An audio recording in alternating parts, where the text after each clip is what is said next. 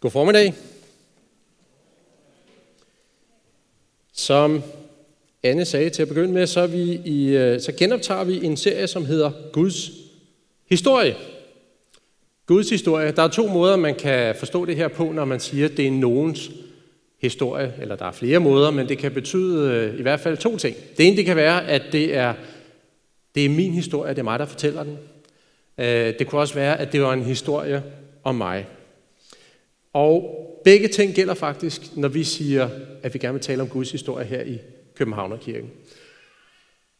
Det er lidt ligesom Min kamp af Karl Ove Knavsgaard, hvis der er nogen af jer, der, der kender den serie. Det er en bog af Karl Ove Knavsgaard, og det er om hans liv, eller dele af hans liv. Der er mange andre personer med i den, men dybest set så er det hans historie. Den handler om ham, og det er også ham, der har skrevet den. På samme måde, nogle af jer kender måske Anne Franks dagbog, jødisk pige fra 2. verdenskrig i Holland.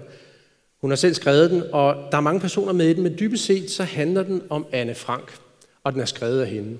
Og når man har læst Min Kamp eller Anne Franks dagbog, så kan man næsten få en følelse af, at man er kommet til at lære dem at kende. Også selvom man aldrig har mødt dem sådan fysisk.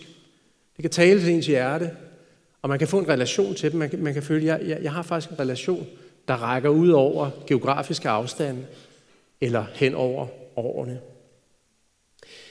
Det er meget det samme, der gælder for Guds historie.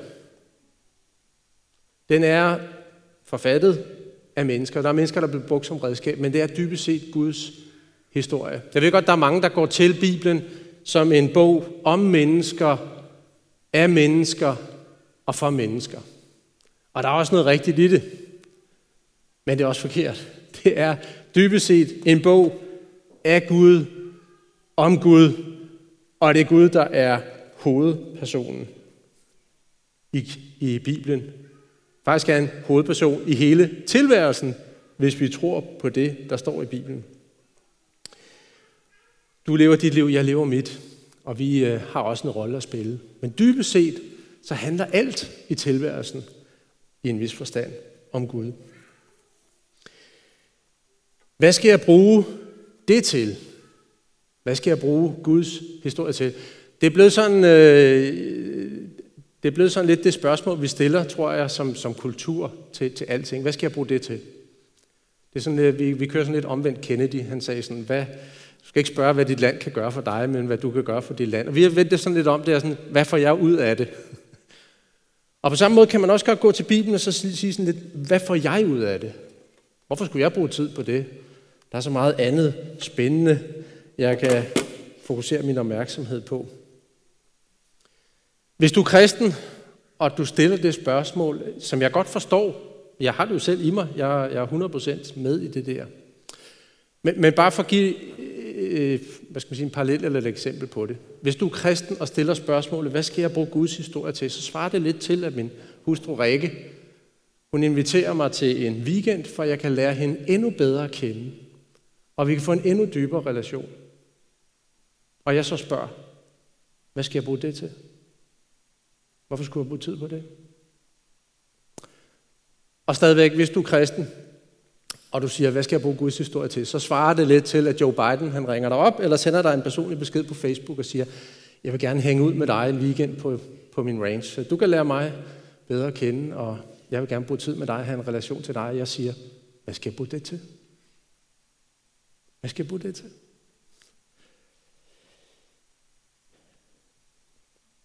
Altså, universet, det er stort.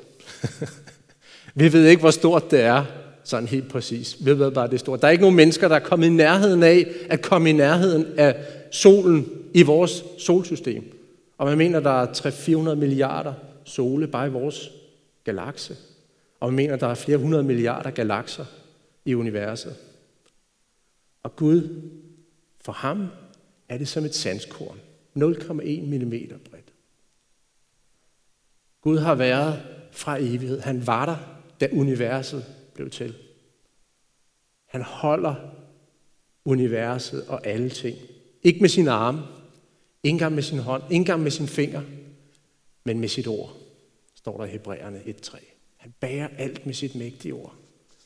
Og han, Han vil gerne bruge tid med dig. Han vil gerne, at du lærer ham at kende, og han ønsker at have en relation til dig.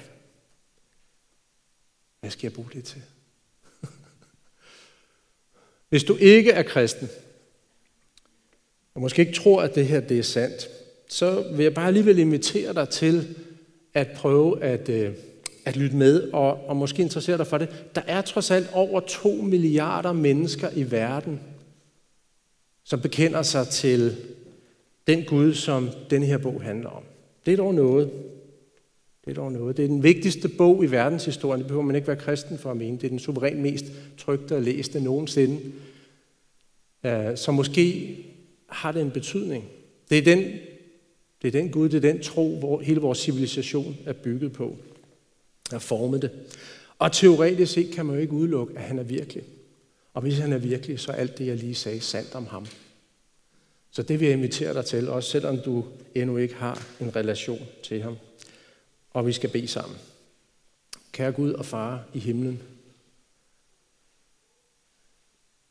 der er fakta, og så er der, så er der det, der bliver virkelig for vores hjerte. Jeg beder dig om, du, du ved, at vi, vi kan ikke øh, bare bruge almindelige ord, hvis tingene skal blive virkelig for vores hjerte, og vi skal få en relation til dig. Hvis vi virkelig skal se, hvem du er, så er brug for, at du, Helligånd, kommer og taler til vores hjerter. Og viser os dit hjerte. Det beder jeg dig om i Jesu navn. Mit mobilnummer står op på sliden. I er velkommen til at sende mig en sms med kommentarer eller spørgsmål undervejs, så tager jeg en eller to øh, her bagefter prædiken. I dag er temaet, som Anne også var inde på, påske, den første påske i verdenshistorien.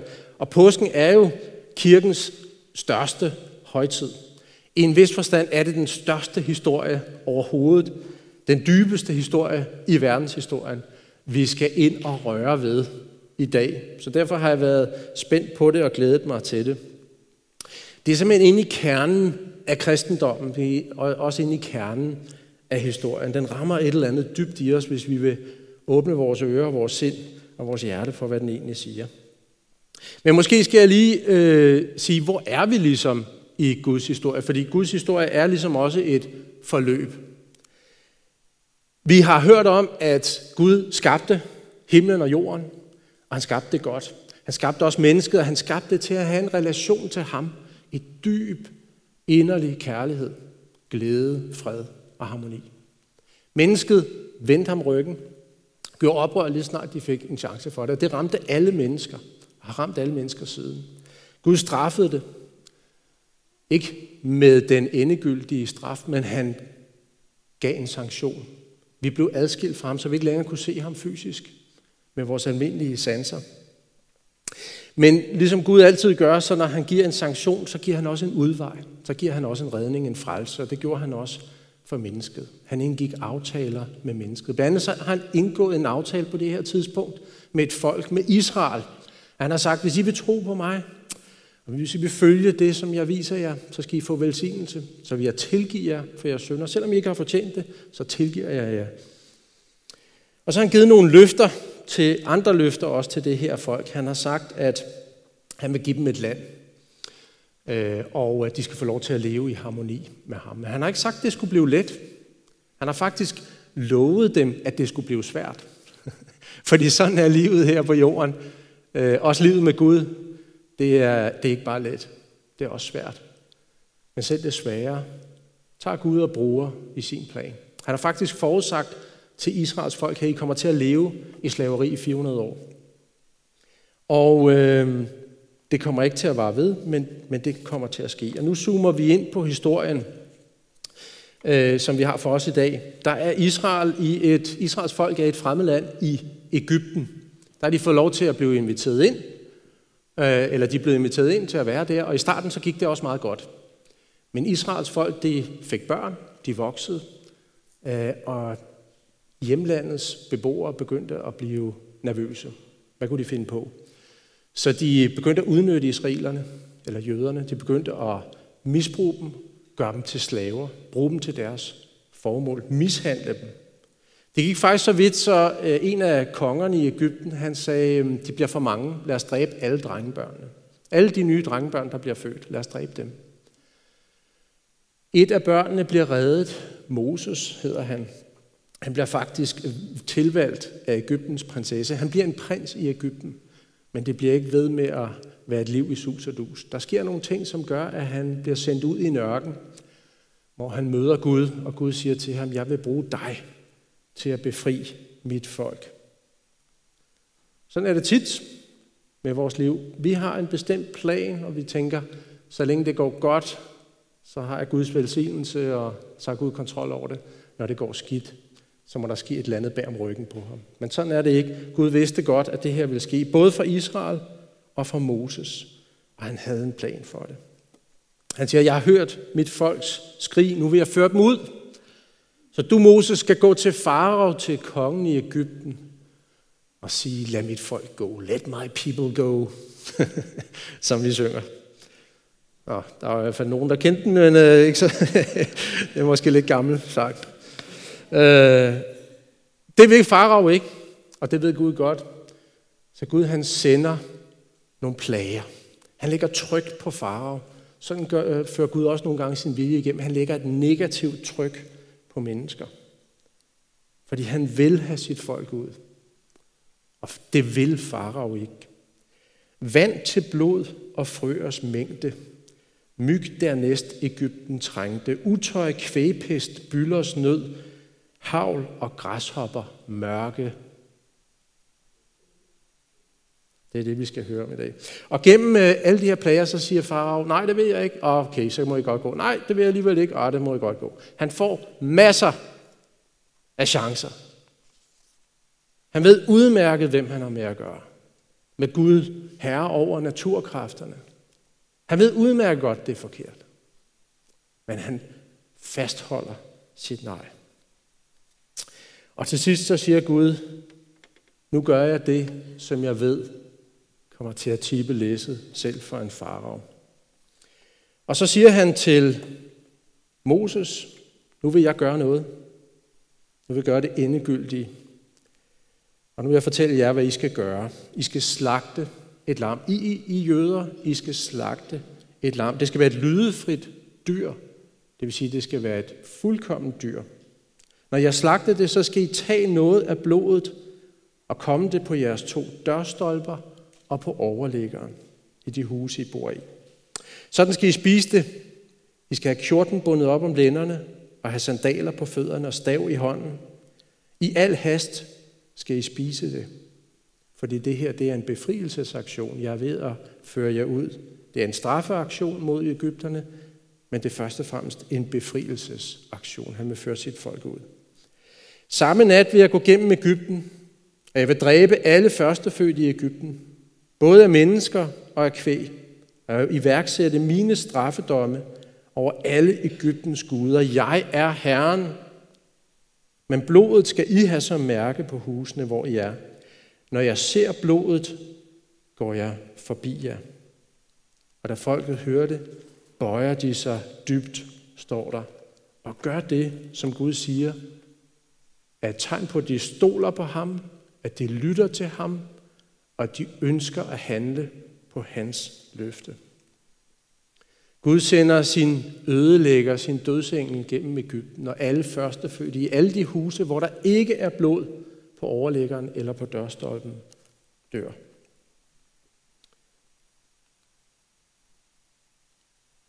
Jeg har ikke skærmen foran mig i dag, så yes, så er det der. Det er en speciel historie. Især for os i dag, moderne mennesker. Sådan øh, mirakler under blod, død. Det lyder noget fremmed for vores tankegang.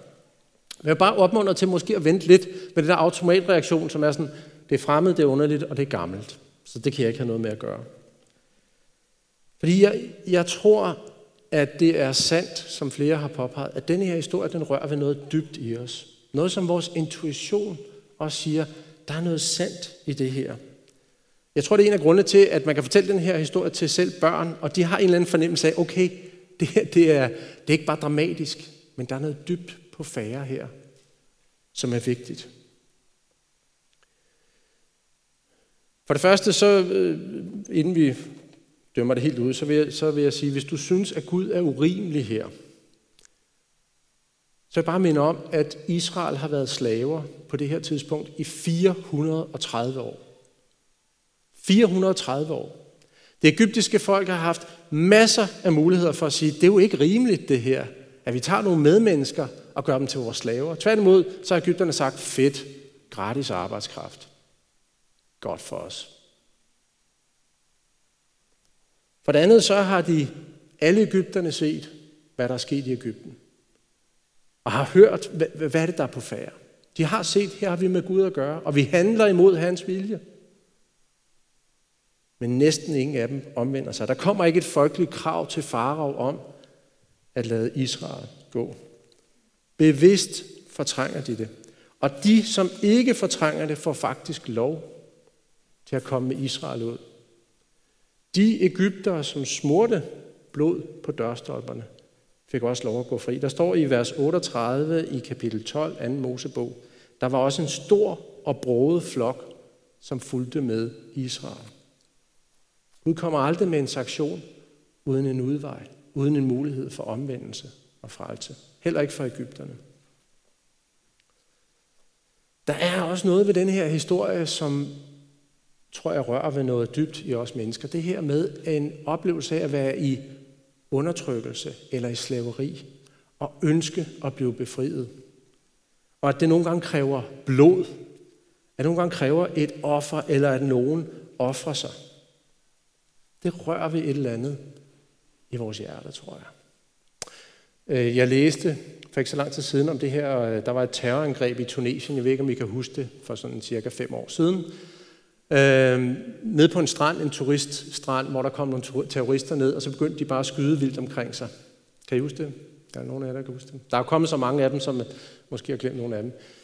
Og så læste den her historie om et par, øh, hvor, I, hvor manden Matthew Jones på 30 år så den her terrorist komme, så sin hustru, så terroristen løfte, kastede sig ind foran og greb kuglen med sin krop.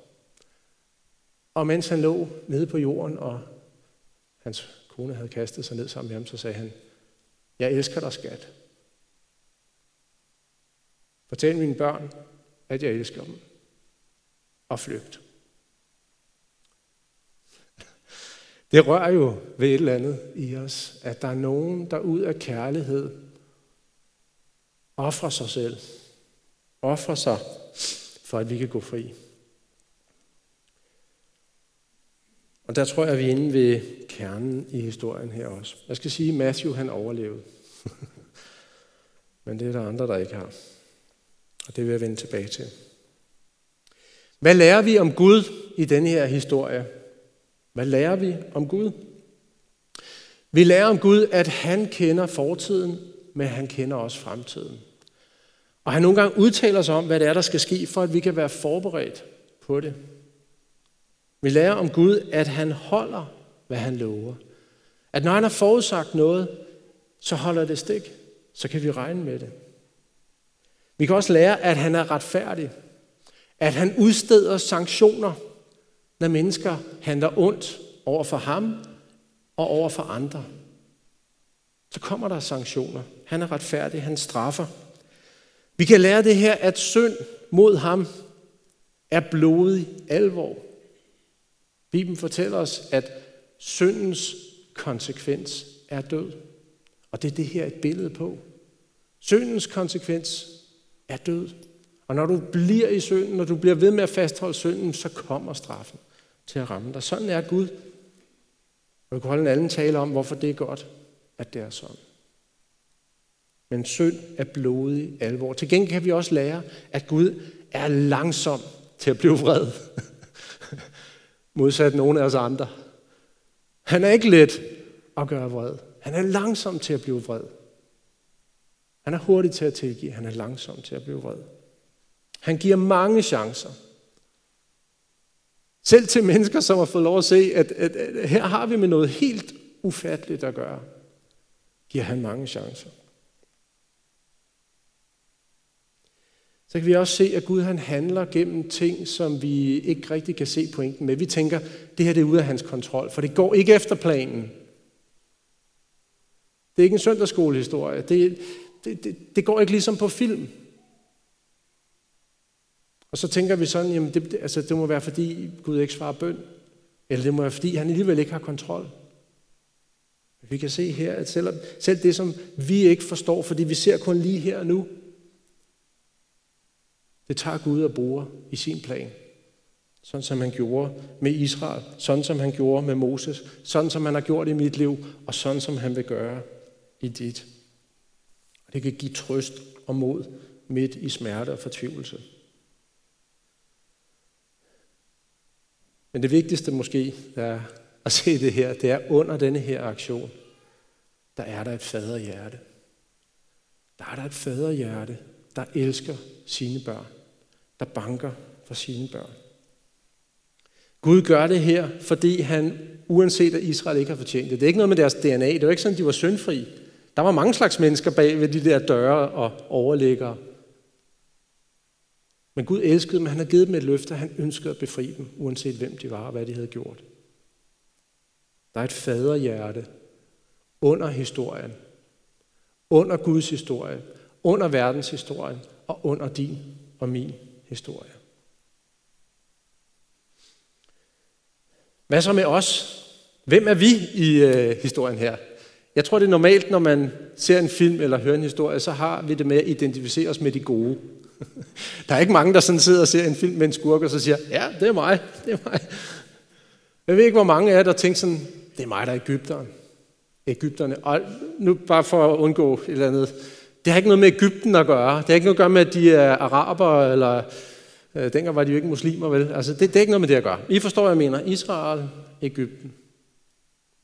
Hvem, hvem, er, hvem er du? Hvem er vi? Er vi Ægypten, eller er vi Israel? Altså virkeligheden er nok, at vi er en skønsom blanding af Ægypten og Israel. Der er både tro og vantro i os. Og der er faktisk ikke nogen helte i den her historie ultimativt andre end Gud. Måske er du Ægypter. Måske er du mest israeler. Men vejen, udvejen er den samme, uanset hvem du er. Uanset hvad din historie er. Uanset hvad du gjorde i går. Uanset hvad du tænkte og sagde i morges. Så er udvejen den samme. For Ægypter som for israeler. Fordi Gud 1300 cirka år senere sendte en anden søn, som også var førstefødt som var hans første fødte, som han elskede med en evig, bundløs kærlighed. Fordi han sendte et andet lam, et fuldkommen lam, et fuldkommen uskyldigt lam, som lod sig slagte. Altså de lam, der blev slagtet dengang, Israels Gud fra Ægypten, de havde ligesom ikke noget valg, men det havde han. Og han sagde, jeg gør det. De lam, der blev slagtet dengang, de mærkede en kort fysisk smerte, og det var det. Han mærkede en evig kosmisk smerte. Han tog straffen for alle menneskers synd. Han blev forladt af sin far. Han gjorde det ikke mod sin vilje, han blev ikke tvunget. Han gjorde det med sin vilje, fordi han elskede sin far, og fordi han elsker os. Dig Og mig. Og den, som smør hans blod på sit livs dørstolper, det er billedet. Den, som lader sig døbe. Den, som tager imod hans læme og blod. Den, som lever i tro på hans løfter. Ham vil Gud gå forbi. Gud vil se blodet, sin søns blod, og så vil han gå forbi.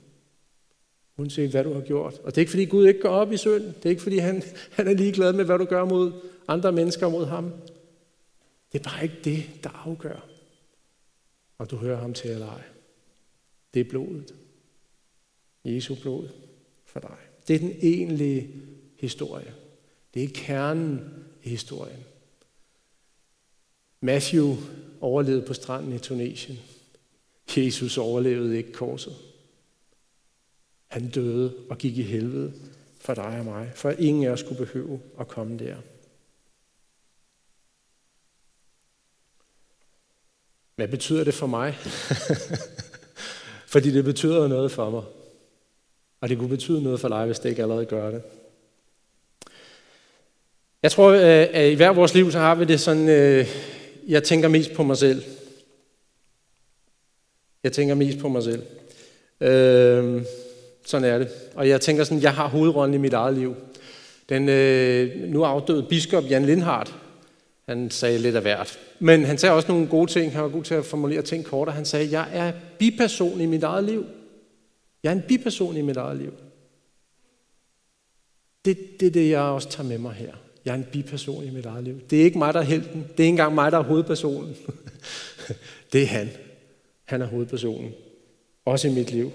Jeg kan ikke bære det. Du kan ikke bære at være hovedperson. Jeg ved godt, vi prøver hele tiden at lave stories om os selv. Der er ikke noget galt i at lave en story. Det er ikke det, jeg mener. Men, men rigtig meget af vores opmærksomhed, rigtig meget af det virksomheder spiller op til i reklamer osv., det er, du er vigtig, og du skal skabe din historie, så andre ser det og tænker, wow, han har styr på det. Eller, uh, hun er tjekket og sund og smuk. Og det er kæmpe pres, der bliver lagt ind over dig. Vi ser konsekvenserne af det hos dem af os, der er særligt skrøbelige og svage. Det, det er som at synke under vægten af hele universet. Der er ingen af os, der kan bære det, men det kan han, for han har skabt det. Jeg har også fået lov til at se, at jeg får lov at være en del af hans historie. Jeg synes, det er fantastisk fascinerende at læse. Både den her, der er jo meget verdenshistorie i den her bog, men også andre kilder og kirkehistorie. Og jeg tænker bare sådan, jeg tænker på, da jeg gik øh, hen ad, ja, Rømersgade der, altså Københavnerkirken. Vi er en pæn flok, men altså, så mange er vi jo ikke. Men vi får lov at være en del af en global historie, som har varet siden menneskehedens begyndelse. Vi, vi er i familie med Israels folk. Vi er i familie med enhver kirkelig sammenhæng til enhver tid. Vi får lov til at være en del af det. Det synes jeg er fascinerende. Så jeg vil også sige, at jeg tænker, at når jeg synes, der er kaos, og jeg synes mange ting i både mit liv, men også i historien lige nu, og også i Danmark, det kan virke kaotisk. Det er sådan, øh, det, altså, er Gud i kontrol? Eller kigger han væk? At se, hvordan Gud gennem historien har en helt anden tidsregning end os. Og der er en mening, og der er et mønster. Jeg kan bare ikke se det, men jeg kender ham, som kan. Og det kan jeg hvile i, og det kan jeg stole på. I mit eget liv, øh, så tænker jeg, hvad er pointen med nogle af de skavanker, jeg har? Både det indre og det ydre. Og det kan være lidt fortvivlende nogle gange, hvis det bliver ved og ved og ved. Jeg tænker på, ligesom han har gjort i meget mere kendte menneskers liv, Moses for eksempel, så er det ikke bare sådan, at han kun kan bruge det, når jeg lykkes. Og tingene går godt for mig. Jeg ved ikke, hvordan han bruger det. Men jeg stoler på ham. Jeg stoler på, at det har en mening, og det har en betydning i hans historie. Så jeg vil også sige, øh, jeg, jeg tror mange gange, jeg er ligesom Ægypterne. jeg er skurken. Jeg har alt for mange gange, jeg er skurken, ikke helt. I min familie, på min arbejdsplads, i trafikken, igen og igen har jeg brug for at blive mindet om det blod, der er på mit hjerte stolper. Det, som Gud vil se på, og sige, jeg går forbi. Fordi jeg er nådig, og fordi Jesus gjorde det.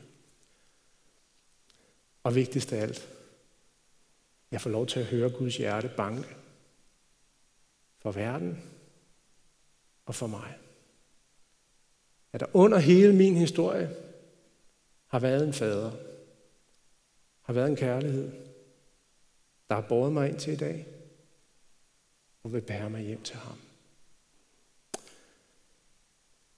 Jeg skal ikke ud og redde verden, men jeg kan få lov til at vidne om ham, som har gjort det. Og det er mit livs mission. Og det er også din. Lad os bede sammen. Kære Jesus, tak for det, du gjorde helt frivilligt. Tak for, at du offrer dig. Tak for, at du kastede dig ind for en Guds kugler. Tog døden og straffen på dig. Tak Gud for din kærlighed, for dit hjerte, at det banker, og ingen og intet kan få det til at stoppe. Tak for al din kærlighed og din visdom og din magt, som vi får lov til at se. Dig være ære i evighed.